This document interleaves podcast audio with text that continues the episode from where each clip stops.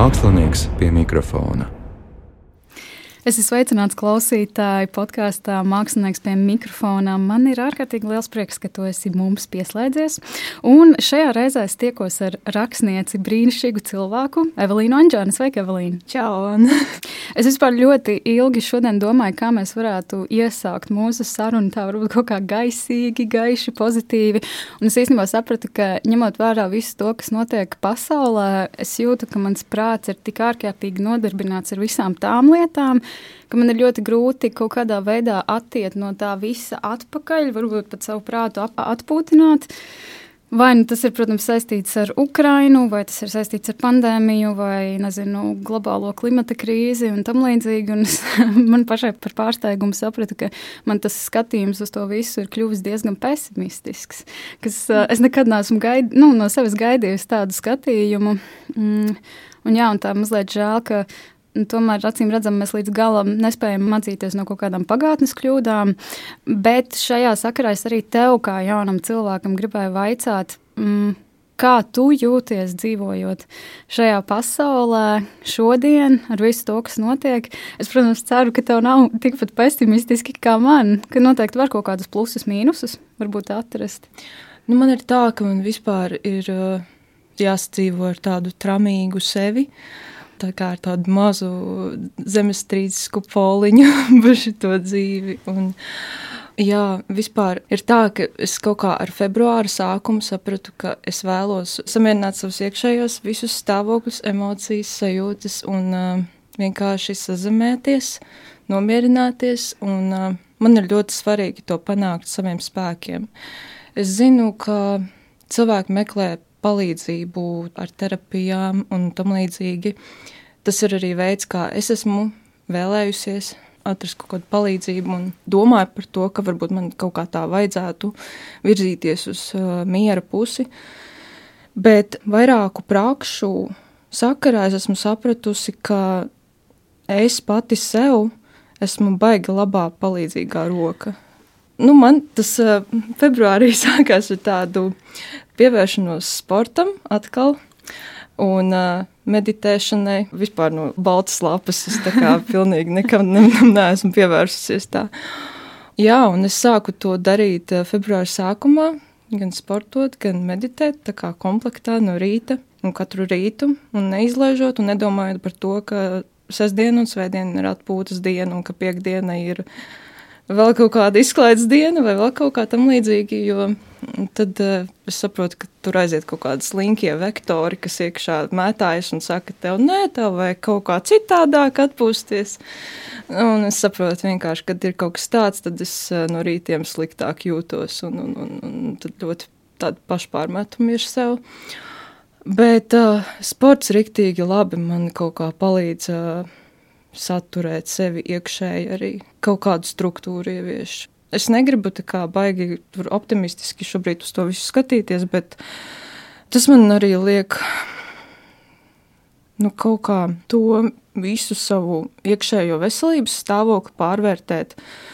Un uh, saprast, ka tik daudz kas ir manā, manās rokās, un uh, tikai es varu tam kaut kā palīdzēt un darīt sevi par laimīgāku sevis versiju. Nu, Tevis pieminētie divi lielumi - sports un meditācija. Sports vairāk tai fiziskajai harmonijai, un meditācija vairāk protams, gan ķermeņa, gan prāta arī tomēr lielākoties. Man īstenībā jautājos arī nesen sāku praktizēt meditāciju tā regulāri. Kādā veidā tu to dari? Tu izmanto kādu aplikāciju vai, vai brīvi pati kaut kā?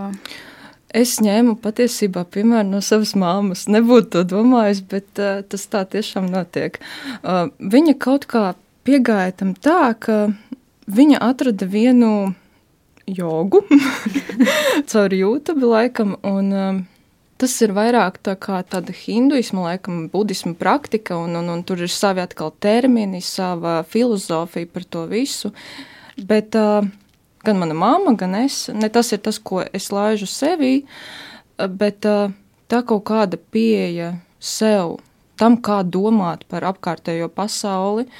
Un uh, atbildot uz jautājumu, tās ir būtībā tādas desmit minūtes, kur nu, ievadā kādas trīs minūtes viņš pastāst par to, ka skanēs šobrīd tāda tā kā mūzika, mantra, kur ir konkrēti vārdi.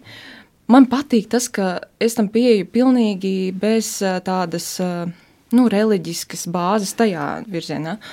Man ir vairāk svarīga kristietības pozīcija, un, un es tā kā vairāk esmu uz to, bet šeit es atrodu kaut kādas pilnīgi citas lietas, un, un, un vispār nu, tā vērstība uz sevi, uz, to, ka tu meklē mieru sevi, tu klausies tādu diezgan mierīgu mūziku, un tās laikā tu vienkārši domā par dažādiem notikumiem, par sapņiem, mērķiem, bet uh, ne tādā pat sentimentālā gaisotnē, bet uh, kamēr skan tā mūzika, tās desmit minūtes, es saprotu, ka manī šobrīd ir diezgan daudz baiļu iekšā, un es nevaru pat par kaut kādām tādām pozitīvām lietām, es nevaru pilnvērtīgi domāt kā par kaut ko fantastisku un pasakainu, un, nu, bez, bez jebkādiem mīnusiem. Un tad uh, uzplaiksnīja, protams, visādas bailes un, un trauksmēnību arī tā visu laikā. Un tu arī šādā veidā iepazīsti sevi labāk. Un tad, jā, un tā mūzika, bet tā mūzika ir tik patīkama īstenībā. Vienkārši tīri ausīm. Tu neko daudz nedomā. Tu vienkārši sēdi, klausies to mūziku, domā par sevi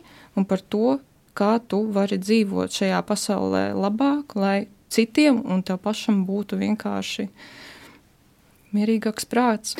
Man ļoti patīk tas, ko tu teici par to. Mm, lai gan tev, gan citiem būtu labāk. Jo man liekas, ik pa laikam ir izskanējuši kaut kādi viedokļi par to, ka nu, jā, nu, visi tagad ir tik ļoti pārņemti ar sevi un tikai par sevi domā. Tas tā mazliet egoistiski, narcisistiski. Es ceru, ka es to vārdu pateicu pareizi. Tas ir tāds interesants vārds. Jā.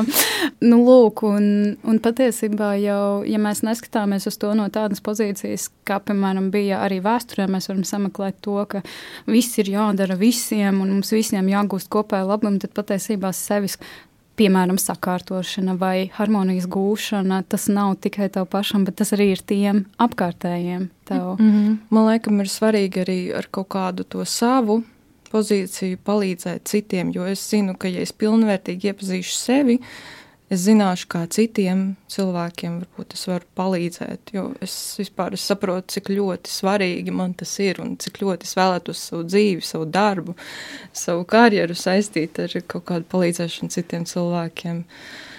Un varbūt iespējams cilvēkiem, kas ir nonākuši līdzīgā veselības pozīcijā kā es.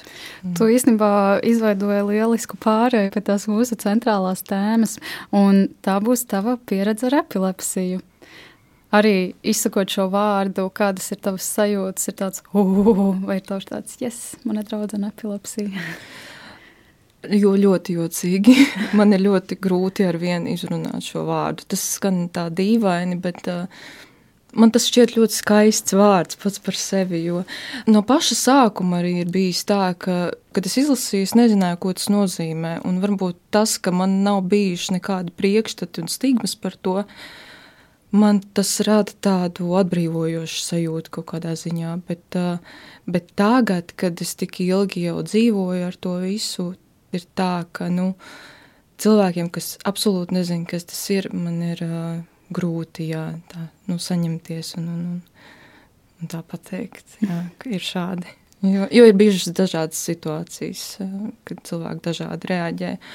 Nu, jā, kaut kā tieši caur cilvēku reakcijām uh, es esmu sapratusi, ka ir tik daudz kaut kāda tāda iežēlinoša, jocīga attieksme pret to tādā ziņā, ka es domāju, ka nu, kāda ir priekšstats šiem cilvēkiem, kāpēc viņi reaģē tieši šādi, vai viņi domā, ka man ir uh, atkal tik traki, vai arī ka viņi domā kaut kādā vienā konkrētā striķītī to visu, ka man ir tā un tā, un, un uh, tad viņiem gribas apskaut mani, vai arī kaut kā uz mani citādi skatīties.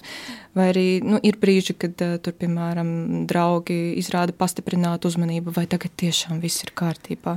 Nu, es pa dzīvi esmu tāda, kad, kāda es esmu, tad man uh, draugi mēs uh, pajautā, bet tagad viss ir kārtībā, tiešām viss ir kārtībā. Un, un, tāpat arī ģimenes locekļi, jā, un, un, un uz brīdi tas tā šķiet pat mazliet eh, nu, nesmieklīgi, bet tā sasmīdina, tāpēc, ka liekas, nu jā, bet mans ķermenis, tā, tā es izpaužos.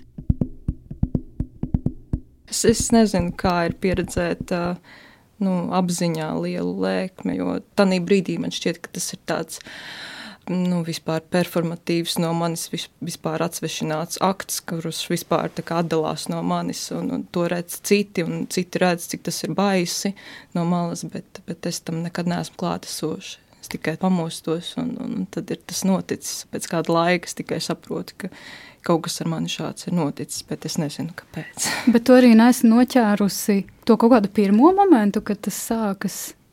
Tā kā tu, tu piemēram, es nezinu, uzbuši pilnīgi varbūt stulbaini, bet, tu, piemēram, ej pa mājām, un tad tu vairs neko neatceries, vai es pareizi saprotu?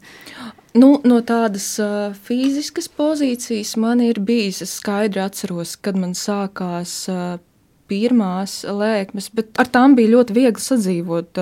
Tās bija ļoti retas noraustīšanās, broka varbūt noraustās, ja, vai, vai vienreiz dzīvē man ir bijis tajā posmā.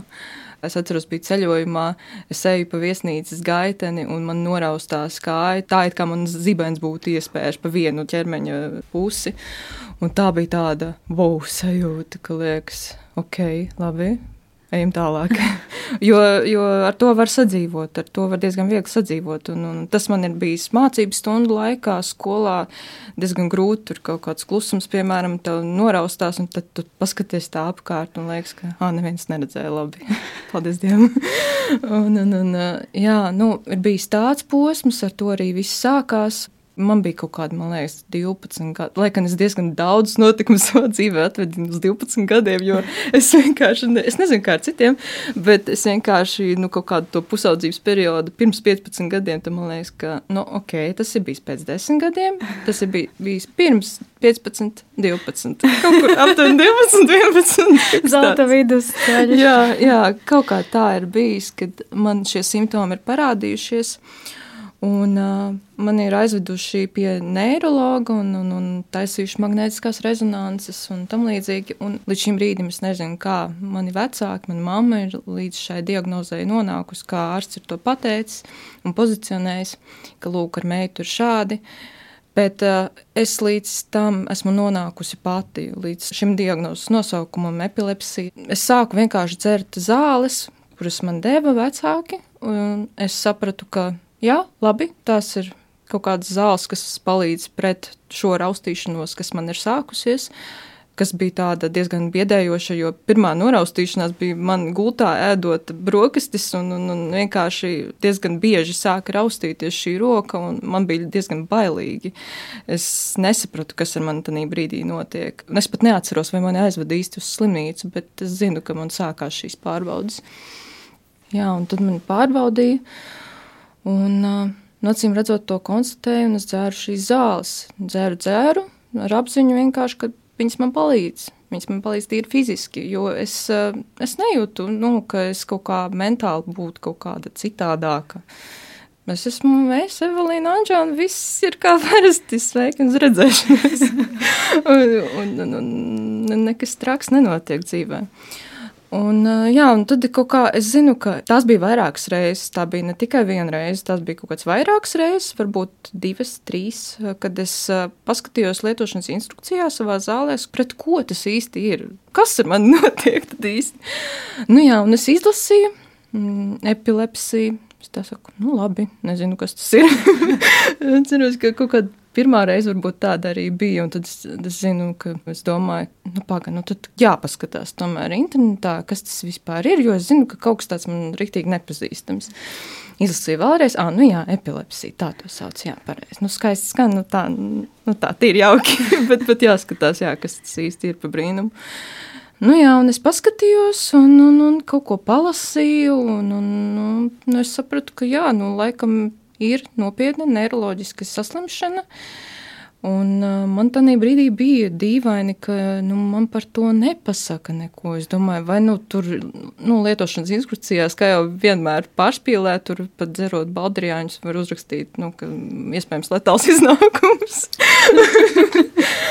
Bet tad es domāju, nu, visādi var gadīties. Varbūt tur, es nezinu, man ir kaut kas cits atkal. Bet uh, nē tas kaut kādā sarunā ir uzpeldējis. Es atceros, vai nu esot ārsta kabinetā vai kaut kā divi tā ar mammu. Es atceros, ka es esmu pateikusi šo vārdu, bet tu taču zini, ka man ir nevis tas, vai, vai es to visu aizplīvoju, tāda, ka man tur raustās rokas vai vēl kaut kas, bet es saku, tu taču zini, ka man ir epilepsija, tad viņi tā bišķiņa sastinga, es atceros, bišķiņa sastingušo skatienu, ka, nu, es zinu, es, es neesmu taču pilnīgi galīgi bērns. Es, es saprotu, kas ar mani notiek. Tu pirmie pieminēji par to, ka jā, draugi tev bieži vien saka, ka tev, nu, tev tā kā viss kārtībā, viss kārtībā. Kā tu jūties tad, kad uh, viņi tev to saka? Tev tas liekas nu, mazliet smieklīgi, vai kaut kur varbūt dziļāk sirdī tas aizvaino. Respektīvi, mans jautājums varbūt būtu, kam arī citi cilvēki saskarē ar cilvēku, kuram ir epilepsija, kam viņi varētu pievērst uzmanību komunikācijā, no kā varbūt vajadzētu izvairīties vai nevajadzētu izvairīties?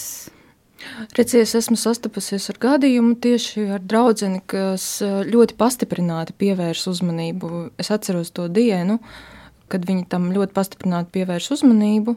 Varbūt Iespējams, tas bija pēc mūsu tādas dziļākas eh, sarunas par šo tēmu, un tad eh, nu, tur ir citi varbūt iemesli tam visam, kāpēc viņi par to sāka domāt tā dziļāk. Bet, Nu jā, tajā brīdī man likās mazliet pat uh, kaitinoši kaut kādā mērā. Es, es zinu, ka es nevaru izjust tādu sajūtu, nu, ka, kāpēc lai es to izjustu. Bet, kad vairākas reizes pārprasa tādus uh, jautājumus, vai viss ir kārtībā, nu, nu es taču esmu atbildējis, ka viss ir kārtībā. Man liekas, ka nu, tur daudz. Jo mans gadījums atkal ir tāds, ka man ir bijušas šīs raustīšanās, un tad uh, šis posms ir beidzies vidusskolā, un tad uh, vidusskolas periodā jā, man sākās krītamās lēkmes. To rezultātā es ģīpstu un, un, un ir tāda kratīšanās tāda cilvēka, un, un, un nu, tas tā baisi no malas izskatās. Bet mans gadījums, redzi, atkal ir tāds, ka man arī nav tik ļoti traki, ja man ir. Tad man varbūt ir divas reizes gadā, varbūt pusotru gadu, un nekas nebūtu. Bet uh, ir cilvēki, kuriem dienā ir vairākas reizes, un tā paiet katra diena. Un tad uh, jautājums no malas par to, vai tev viss ir kārtībā, vai tev palīdzēt, tā jau kļūst par normu, tā jau kļūst par neatņemamu dzīves sastāvdaļu.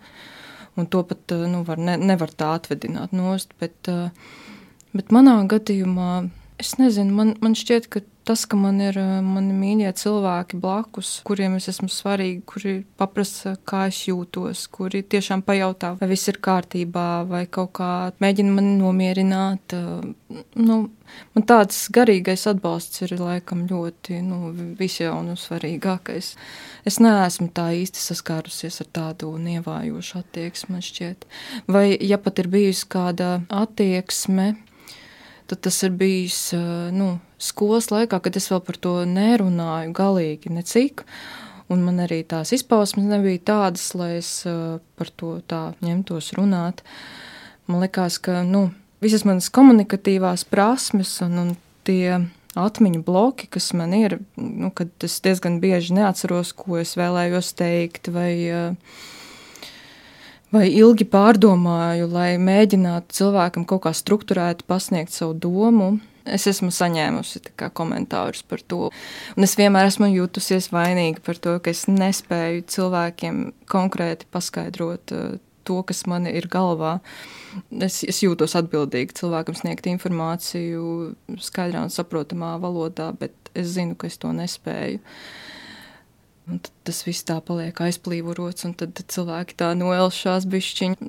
Ir bijuši komentāri, ka, nu, bet, nu, kļūsti vienkāršāka, un tad, nu, tad dzīve būs vienkāršāka, un, un, un nav ko tur poetizēt pa daudz vai kaut kā.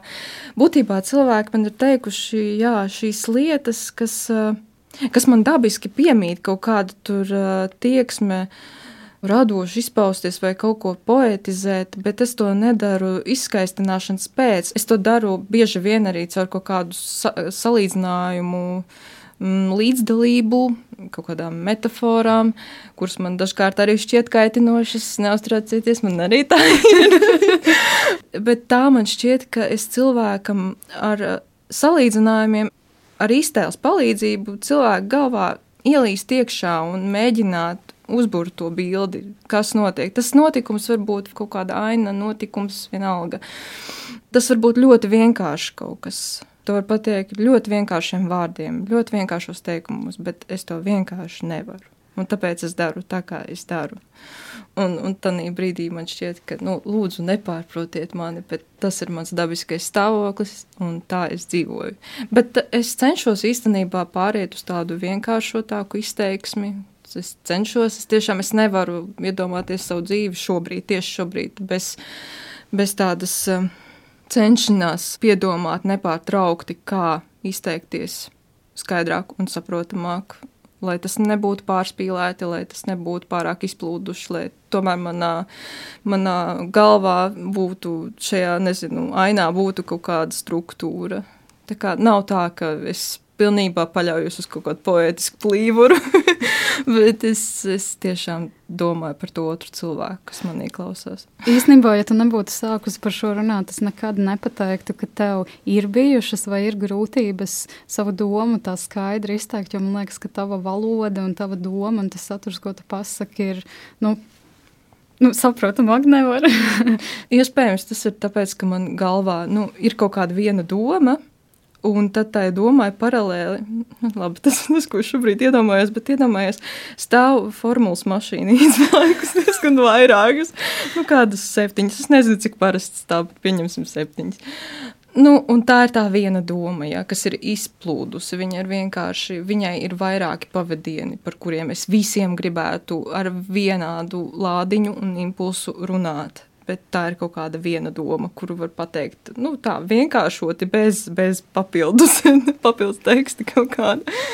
Jā, un tad, tad es jūtu tādu, tā kā, oh, es taču varēju pateikt to un to un vēl šito klāt, un tā, un tādi nemitīgi pašpārmetumi, bet ar ko arī ir jāsadzīvo, bet uh, tam arī meditācija un sports ļoti labi palīdz kaut kā. Yes. Un, ka tie rīki vai nē, ka tie rīki ir pie kā vienmēr kurus vienmēr paķert vajadzības gadījumā. Jā.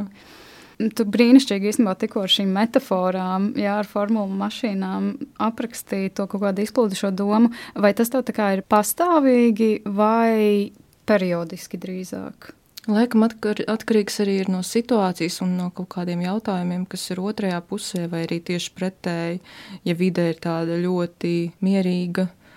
Man diezgan bieži tā ir. Arī rakstiski tas ir bijis. Kad uh, viens teikums uh, izvēršas par tādu pamatīgu, pamatīgu rindkopu, tad palīk teikumi, tad vēl viens palīk teikums, tad divu debu teiciens, tad teiciens, divu debu teicienā, un tad tas teikums nekur nebeidzās. Un tad es ar to domu graudu kuļos pa dzīvi. Jā. Pašā sākumā, vispār, kad man tas viss ir sācies, tad man bija ļoti tramīgi un baisi. Tas turklāt vēl mijās ar to pusaudzības laiku un skolas laiku, kad es būtu gribējusi no cilvēkiem varbūt sagaidīt tādu cilvēcīgāku, iekļaujošāku, varbūt eh, komunikācijas to apmaiņu, bet, eh, nu, pārsvarā visur, visu laiku ir vienādi pusauģu laikos. Tā ne, neiecietība spēlē ļoti lielu lomu. Es, es neteiktu nu, tieši savā sakarā, bet uh, vispār noskatoties uz uh, diezgan daudzām situācijām skolas laikā un to, kā ir izturējušies pret citiem cilvēkiem dažādās situācijās. Jā, bet uh, runājot par to tramīgo periodu, tas viss pārklājās ar tām mācībām un to manu dramatisko darbu holismu, kas vienmēr esmu vēlējusies eh, visu izdarīt eh, perfekti, laikā. Eh, zināms, ir diezgan bieži jāuzstājas tur, nezinu, klases priekšā, pēc tam augstskolā jāizstāv savi darbi, kursa darbi, bakalaurs. Uh, Tas ir tā, nu, tāda papildus nasta, ka liekas, ka, nu, es nezinu, tu vienkārši iznāc priekšā un pazūdi. Vienkārši tu pārvērties par miglu un, un vairāk neko neatceries. Tas ir tā ļoti baisi, jo liekas, ka tu nespēji vispār sevi kontrolēt. Un, un, un tu vienkārši kaut ko iegaumē, kaut kādu daļu teksta, saproti, ka tev ir kaut kā jāsavalda tās savas rokas. Vai, nu, man, man ir tā, ka man ir eh, nostraukumi arī, man, man mēdz kā, trīcēt ķermenis, un, un, un tad man ir bijušas, protams, visādas trauksmēnas domas par to, ka vai varētu vispār tās rokas, nezinu, sasiet vai vēl kaut kā, lai, lai viņas vienalga kādā krāsā viņas paliek, lai tikai viņas netr, nekratās un tā kā nerada šo sajūtu citiem, ka ar mani kaut kas slikts notiek šobrīd. Bet ir bijis, nu, traki tiešām, ka es esmu, jā, tādā vispār aizmirstības kupolā iekļuvusi. Esmu raudājusi diezgan bieži. Tas izklausās tā dramatiski, bet, nu, tas tā vienkārši bija ka es esmu varbūt neaizgājusi uz, uz tām mācībām vai eh, pavadījusi to pusotru stundu tajā pašā literatūras stundā pie domraksta. Tukšas lapas vienkārši blenžot uz viņu un nevis tāpēc, ka man ir kaut kāds uh, slinkums vai nespēja saņemties, bet tāpēc, ka ļoti iespējams, ka tas ir saistīts ar tavu slimību. Un tev nav jājūt visu laiku par to vainīgai, un tev nav nepārtraukti jāmēģina pārkāpt pāri kaut kam tādam, kas esi tu pati. Nu kā, nu, tu, tu jau nevari vienkārši izveidot no sevis citu cilvēku pēkšņi. Bet uh, tagad atkal ir tā, ka arī es sevi uzķeru uz diezgan daudzām emocijām, dažādās situācijās, lai arī tās būtu dusmas, uh, iekšējs tāds saviņojums vai satricinājums, ka es vēlos varbūt raudāt, varbūt izjust kaut ko citu, varbūt es gribu histēriski smieties, vai man ir šausmīgi liels prieks. Tad tajā brīdī es tā riktīgi satveru sevi kaut kā iekšēji, es pasaku, tā, tagad tu, Evelīna Anžāne, izjūt šo emociju, sajūtu, tas ir tāds liels impulss, viņš nāk virsū. Un tev viņš nav jāapspiež, tev tas nav jāapspiež. Bet uh, tu šo izdzīvosi pilnā spektrā. Viņa ir tev ir dota šobrīd, šajā mirklī. Tu vari viņu izdzīvot, un tad tad tu jutīsi to vieglumu iekšējo, tad vairs nebūs smagi. Jo es esmu ļoti ilgi dzīvojis ar kaut kādu saspringumu un smagumu iekšā. Es tik daudzas emocijas vienkārši apslāpēju vai cenšos radīt par sevi normālu cilvēka iespaidu, lai viss būtu kārtībā, neviens man neprasītu liekas jautājumus, neviens uh, nepārdzīvotu, ka es tur nevaru izdarīt to un to, un vai tad tu tiešām nevari saņemties. Bet, Bet varbūt es tiešām nevaru saņemties šobrīd, un varbūt man tas ir jāpasaka skaļi, un varbūt man tas ir jāpasaka tev, cilvēki, es nevaru šobrīd. Es izdarīšu tad, kad es varu. Un tas nāk šobrīd, un tas nāk ar smagu darbu, ir jāstrādā iekšēji vienkārši, ir jāvelc sev vairāk laika. Tik skaisti pateicis. Es īstenībā ļoti daudz esmu domājis par uh, tām emociju apspiešanām, es pati atceros, kā es pirms nu, tiešām gadiem Dažiem tikai ieraugu filmā vai seriālā vai uz ielas, redzu, ka kāds ārtās, dusmās un tā. Un es domāju, ak, Dievs, vai tiešām tas tik publiski tā ir jādara. Bet kaut kā arī es esmu sapratusi, ka kamēr vien tas, protams, nekaitē citiem vai arī pašam sev kaut kā fiziski, tas ir tik labi, ka tu ārdies.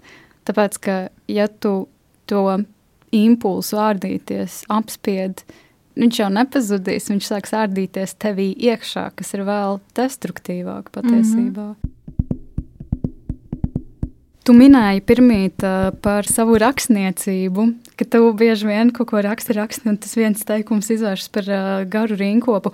Vai tu varētu parunāt um, tavas dzējas un tavas epilepsijas attiecības? Kā tu šīs divas redzi? Jā, iespējams, ka tas arī rada grūtības rakstniecībā, jo arī tur ir sava veida bloki. Man ir interesanti diezgan bieži dzirdēt, ko cilvēki saka par eh, to, kā es rakstu. Jo man ir teikuši, ka tā, tik blīvi, tik blīvi tie teksti, tik it kā piesātināti ar to poētiku, un tad liekas, ka tā poētika tā kārtām tā kā meduskūka tāda, un, un, un tāda baigi krāšņa, un, un, un tāda galīgi ne meduskūka. un, un, un, un liekas, ka nu jā, kaut kas tomēr par daudz, un tad ir kaut kāda viena lieta, viena nianse, aina, kas ir ļoti spilgta un, un, un kaut kā izdalās par daudz, un iespējams par to ir tas teksts, bet tas, kas ir apkārt, tas ir atkal kaut kas liekas atsvešināts. Jā, es zinu, ka par uzstāšanām arī ir teikts, ka nu, tik skaisti skan, bet es neko nesaprotu.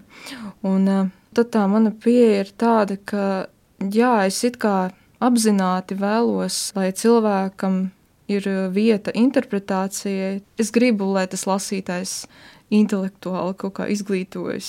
Lai, lai tas nav vienkārši, lai tā nav tāda nu, poetiska dziriņa, ko tu vienkārši padzeries. Jo nu, vismaz manas ausis to ir pārklausījušās bišķiņi pa daudz, un, un, un, un es gribu tos tekstus saturīgākus, un es arī strādāju pie tā, lai viņos tomēr ir kaut kāda lielāka struktūra, jā, kaut kāda iekšēja, neskatoties uz to, ka tie teksti man ir tādi diezgan, diezgan blīvi, jā. Bet šobrīd es esmu pārgājusi arī uz mazāku formu, kura man īstenībā ļoti palīdz. Nu, kaut kādām četrindēm, varbūt sešrindēm maksimums. Es, es zinu, ka viens no kādiem pēdējiem dzējojumiem, ko es esmu uzrakstījis, ka tur ir kaut kāda tāda divrinde, gribas padzerties, bet žāvā iesprūdusi debesis. Un man šķiet, ka tad, kad es to uzrakstīju, es vienkārši noliku to rakstāmo, un es domāju, bet es esmu visu pateikusi, man nevajag papildus neko. Man šķiet, ka šeit ir viss. Jā, iespējams, tā mazā forma man ļoti palīdz arī kaut kā sakārtoties radošā ziņā. Jā.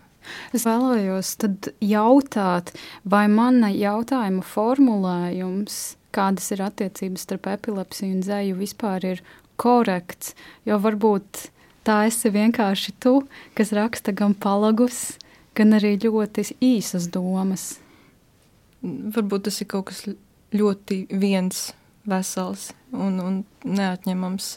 Es nevēlos par to domāt kā kaut kādu diagnozi vai, vai, vai kaut kādu nu, jā, spriedumu, bet uh, nu, kaut ko tādu jā, ļoti skaistu, kas man piemīt manā domāšanā, kas ir tāds, uh, ar ko var strādāt kas var palīdzēt gan rakstīšanā, gan uh, zīmējumu veidošanā. Ar to var strādāt, to var izmantot uh, diezgan labi. Un tā, ka tu pats pēc tam jūties diezgan uh, laimīgs par to, kas ir nu, sanācis. Jā. Liekas ļoti interesanti, ko tu tikko teici par to, ka šis aspekts ir vairāk tiešām varbūt arī kā radošs impulss. Un uh, man kā cilvēkam, kas tiešām īstenībā līdz kamēr vienas tevi nesastapu, es neko par šo nezināju. Es zināju, ka tāds ir, bet kas un kā. Un arī es tur, protams, gatavojoties, sarunāju, palasīju, ka jā, epilepsija ir raksturīgs, ka smadzeņu šūnas strādā ļoti aktīvi. Un es uzreiz mm. iztēlojos kaut kādu tur, pil, nu, kas arī cilvēkam vienkārši man šajā gadījumā nav informācijas pietiekams. Tur iedomājos kaut kādu super cilvēku, kuram, ah, ja smadzenes strādā aktīvi, nu, tad viņš var visu super ātri izdarīt un tam līdzīgi. Bet patiesībā nu, tā ir tāda dezinformācija. Sanāk, dzēja un epilepsija ir viens veselums, tas tevi iedvesmo un tas tevi padara par šo radošo garu.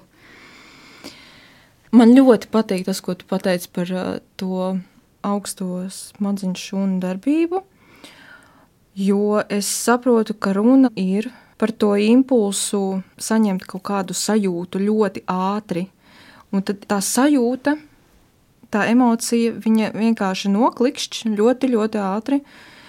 Un viņa ieņem visu telpu. Tas vienkārši ir kā tāds liels piepūsts balons telpā, kuram tu mēģini kaut kā izlavīties cauri, izkaulēt savu vietu, bet tu vienkārši nevari. Uh, nu, ir tā emocija, viņa vienkārši bloķē visu. Un iestājas tas atmiņu bloks, tas, kas man ir ļoti raksturīgi, ka es ļoti bieži aizmirstu, ko es vēlējos teikt, un, un, un kas vienkārši man ir bijis prātā. Un, un tad, tad vienkārši kaut kāds tāds stikla skatiens un, un kaut kāda aizmirstība.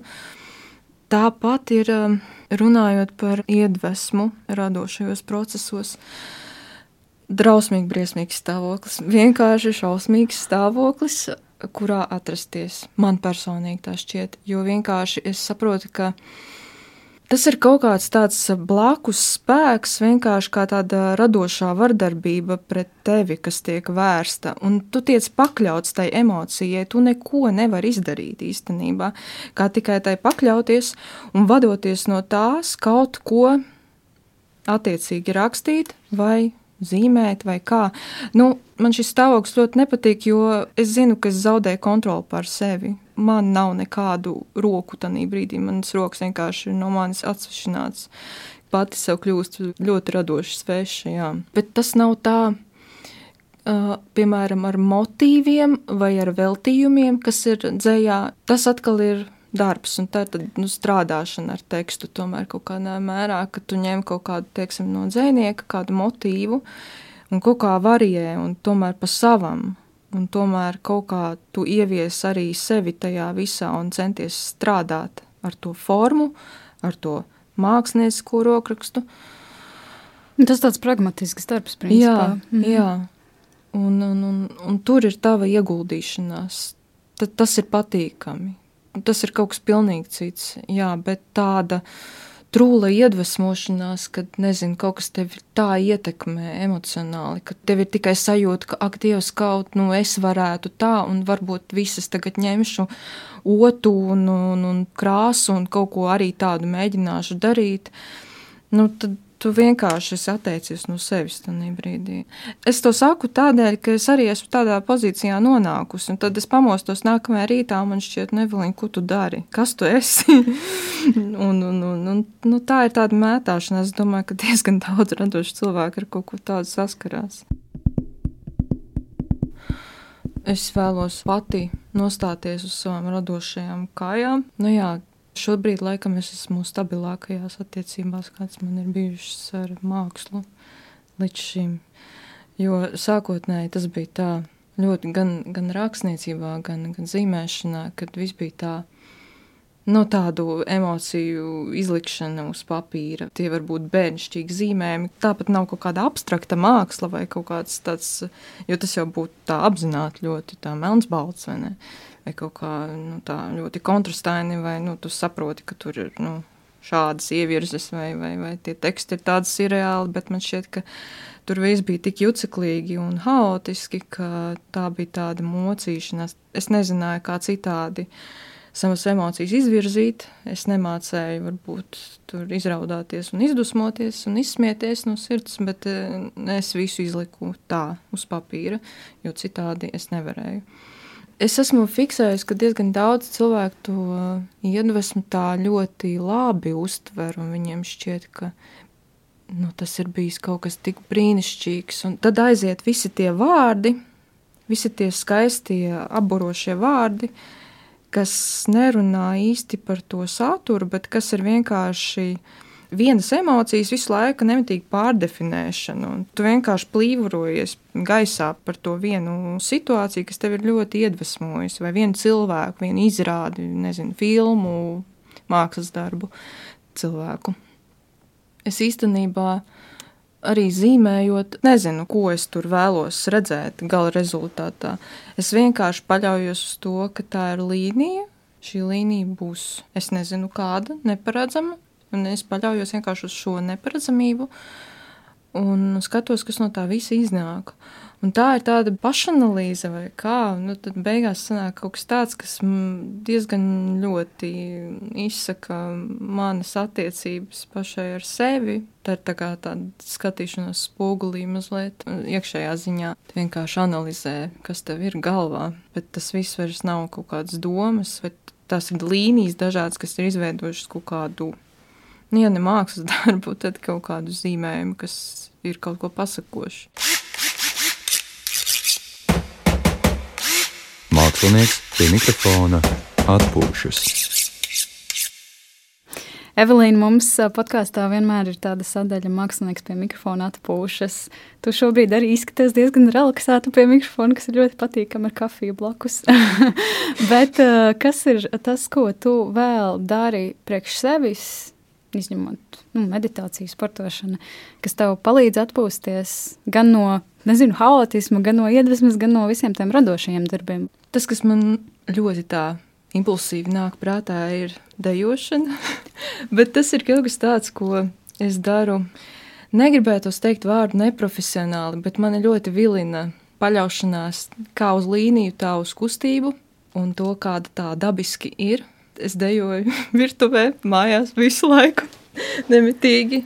Tad, kad man ienāk galvā, ka es to vēlos darīt, es vienkārši kustos. Un, un, un es atceros, ka um, es to esmu diezgan bieži darījusi. Tas ir ļoti dīvaini, ka mana dejošana ir ieņēmusi virtuves formu. Tā ir bijis nu, dažādās virtuvēs. es nezinu, kas man ir. Bet, uh, jā, nu, man ir arī bijusi pieredze ar uh, pusaudzībā ar uh, hip hopu. es aizgāju diezgan uh, tā arī impulsīvi. Draudzenei līdzi uz hip hop nodarbībām, kuras biju kādus, laikam, trīs mēnešus darbojusies, un pat koncertā vienā piedalījos. Bet es atceros, ka man bija tāds pieliekamās skropstas, spilgts, spilgts sarkanas lūpas. Tanī brīdī šķīta pilnīgi paranormāli šādi uzstāties.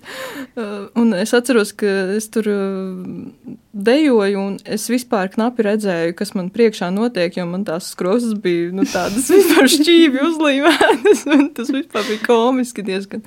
Bet es, protams, aizgāju prom no turienes, jo nu, es sapratu, ka tas iekšēji nav kaut kas mans. Tā izpausmes forma nav laikam mana. Jo tajā brīdī es biju pietiekami salīdzinoši ar šo brīdi ļoti kautrīgs cilvēks, un, un, un es ļoti vēlētos šobrīd, lai tas tā nebūtu bijis, jo man pašai būtu vieglāk. Jo es iekšēji esmu ļoti atbrīvojoša, ļoti haotiski juceklīga un, un tāda impulsīva, un man, man ļoti patīk dejot, trakot, uh, likt mūzikas. Un, un es to esmu, ah, starp citu. Jā, es esmu arī piedalījusies dzinieku diskotēkās divās, laikam. Un, un, un tas arī ir vēl viens kaut kāds tāds maģisks brīdis, kad tu atrodies pie tām mūzikām, kuras tev patīk, un tu vienkārši, tu vienkārši eksistē savā kustībā, tu ļaujies savām kustībām, tu, tu viņas neveido pēc kaut kādas jau ieprogrammētas nu, formas, es nezinu, un, un tas man šķiet visatbrīvojošākais. Jo man ir bijis arī ne tikai hip-hop posms, kad es biju maza, gāju bērnu dārzā, un tad sākuma skolā, tad esmu gājusi arī uz modernajām dejām, kas man šķita ļoti seksīgi un ar vienu šķiet ļoti skaisti. Bet uh, arī tas nebija līdz galam mans. Šobrīd es to visu izbaudu tādā pilnīgi citādākā kustībā. Kustībā, kas nav kontrolēta, kustība, kas ir atbrīvota. Es to varu saprast, jo tu neuzstājies konkrēti ar kaut kādu mērķi, bet tas ir tīri priekš tevis, tīri priekš atmosfēras, tīri priekš sajūtas. Jā, es tajos brīžos jūtos ļoti dzīva.